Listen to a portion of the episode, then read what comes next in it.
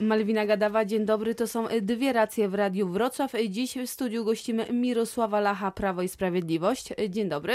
Dzień dobry. Oraz Michała Rado, bezpartyjni samorządowcy. Dzień, Dzień dobry. dobry. Samorządowcy z polskich miast przekazali 10 grudnia na ręce marszałka Senatu projekt ustawy o rekompensatach dla gmin, które utraciły część swoich dochodów w związku z obniżką stawki podatku PIT z 18 do 17% oraz zerowym podatkiem PIT dla osób do 26 roku życia. Czy bezpartyjni samorządowcy popierają inicjatywę? Z punktu widzenia wszystkich samorządowców, moim zdaniem, e, każda inicjatywa, która dodaje dodatkowe fundusze dla samorządów, będzie przez nas popierana. Tak? Więc w tym wypadku my wiemy, że samorządy są teraz obciążone coraz większymi wydatkami, bo mówimy o wzroście płacy minimalnej, która pociągnie za sobą chociażby wzrost pensji dla pracowników instytucji utrzymywanych przez samorząd.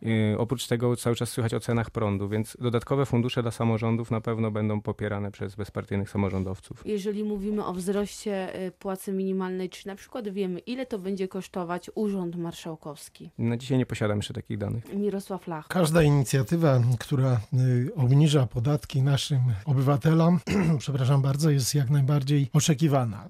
Przez wszystkie siły polityczne, przez wszystkich mieszkańców. Dawno przed każdymi jednymi wyborami wszyscy wykazują, że podatki w Polsce są jedne z najwyższych w Europie, bo podatkiem jest również opłata ZUS-owska. Sumując to okazuje się, że obciążenie y, pracownika jest przeogromne. Czyli każda jedna inicjatywa, która spowodowała obniżenie tych podatków, a ta, ta jednak inicjatywa to spowodowała, bo mówimy, że o, to mówimy, obniżyliśmy podatki z 18 do 17. Pewna grupa y, naszych y, pracowników została, ta, ta młodsza grupa została zwolniona od podatku do 26 roku życia. Samorządy z podatku PIT otrzymują niecałe 40%. A chcą dostawać 45%.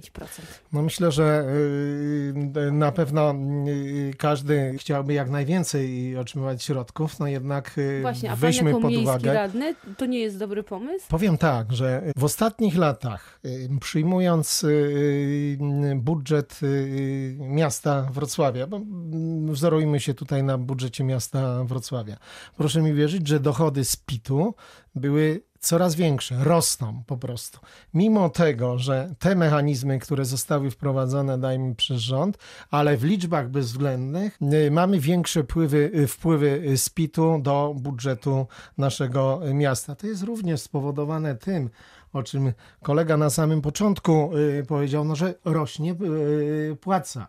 No jeżeli rośnie płaca, jest ona opodatkowana no, wyższym podatkiem PIT. To jeżeli tak I większy mamy wpływ, wpływ wtedy To do... jeżeli jest tak, jak do- y, mówi radny, a faktycznie jest tak, y, do y, projekt budżetu na 2020 rok Wrocławia zakłada wzrost dochodów z podatków o ponad y, 50 milionów złotych, to może to samorządy przesadzają. Licząc, patrząc pod kątem wzrostu tych e, przychodów z podatku PIT, o którym tutaj pan radny powiedział, musimy wziąć pod uwagę koszty które są zsyłane, jest coraz więcej wydatków, mimo wszystko te samorządy są obciążane coraz to większymi wydatkami, tak? Ponieważ no, nie zakładam, zakładając ceny prądu, zakładając wzrost wynagrodzeń, zakładając wzrost pensji minimalnych, to nie, do koniec końców to się nie zbilansuje. I patrząc też pod kątem władzy centralnej, oczywiście każda obniżka podatków, wracając do tutaj pana wcześniejszej wypowiedzi, jest korzystna, tak? Ale patrząc oczami samorządowca, no my wiemy, że będąc blisko ludzi, tak? Bo wśród nas są wójtowie, sołtysi,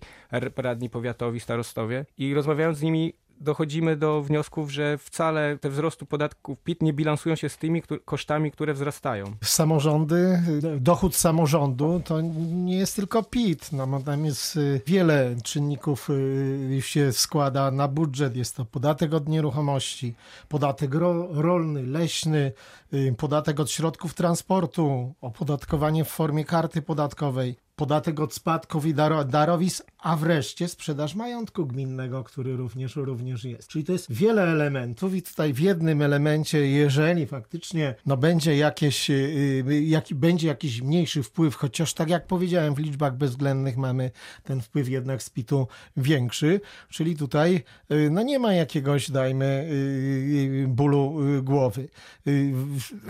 Z drugiej strony, no przecież jeżeli chodzi o budżet państwa, też realizujemy realizuje wiele e, zadań.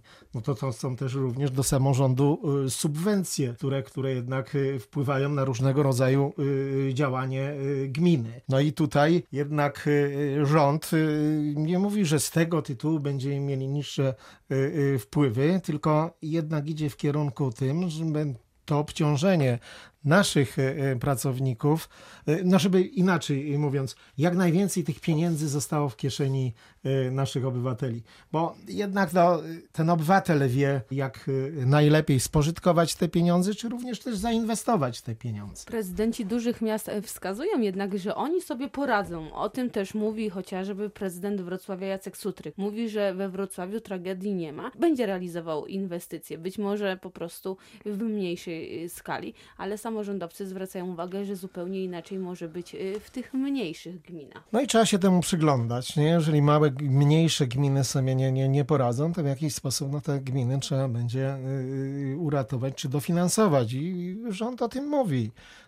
Się, że będzie się pochylał nad y, sytuacją. Jeżeli faktycznie będzie jakiś rażący spadek y, dochodów gminy, jeżeli chodzi y, o, o wpływy z podatku PIT, no to wtedy podejmie odpowiednie działania. Ale nie podejrzewam, że my aż z tego podatku był tak, żeby ten wpływ się według... zmniejszył z tego tytułu, że to, co mówiliśmy na samym początku, wynagrodzenia pana, idą do góry. Działania? Jakie to powinny być działania, jeżeli tak będzie? No jeżeli gmina będzie w trudnej y, sytuacji, dajmy finansowej, no to trzeba uruchomić jakiś y, program y, pomocowy. Są na to środki w rezerwie i na pewno tak będzie. Na pewno gminy małe, które nagle wykażą, że z tego podatku PIT praktycznie nie mogą prowadzić swojej działalności, w co nie wierzę, no to y, na pewno nie zostaną same. Jeżeli chodzi o skalę w naszym regionie, czy bezpartyjni samorządowcy, czy marszałek województwa ma takie sygnały dotyczące poszczególnych gmin, w których sytuacja faktycznie może być y, ciężka? To może jeszcze nawiążę do poprzedniej wypowiedzi. Biorąc pod uwagę, bo tutaj pan radny mówi, że na pewno, na pewno, to jest trochę gdybanie, bo nie wiemy, jak się rząd zachowa w sytuacji, jeżeli takie gminy naprawdę będą w złym stanie.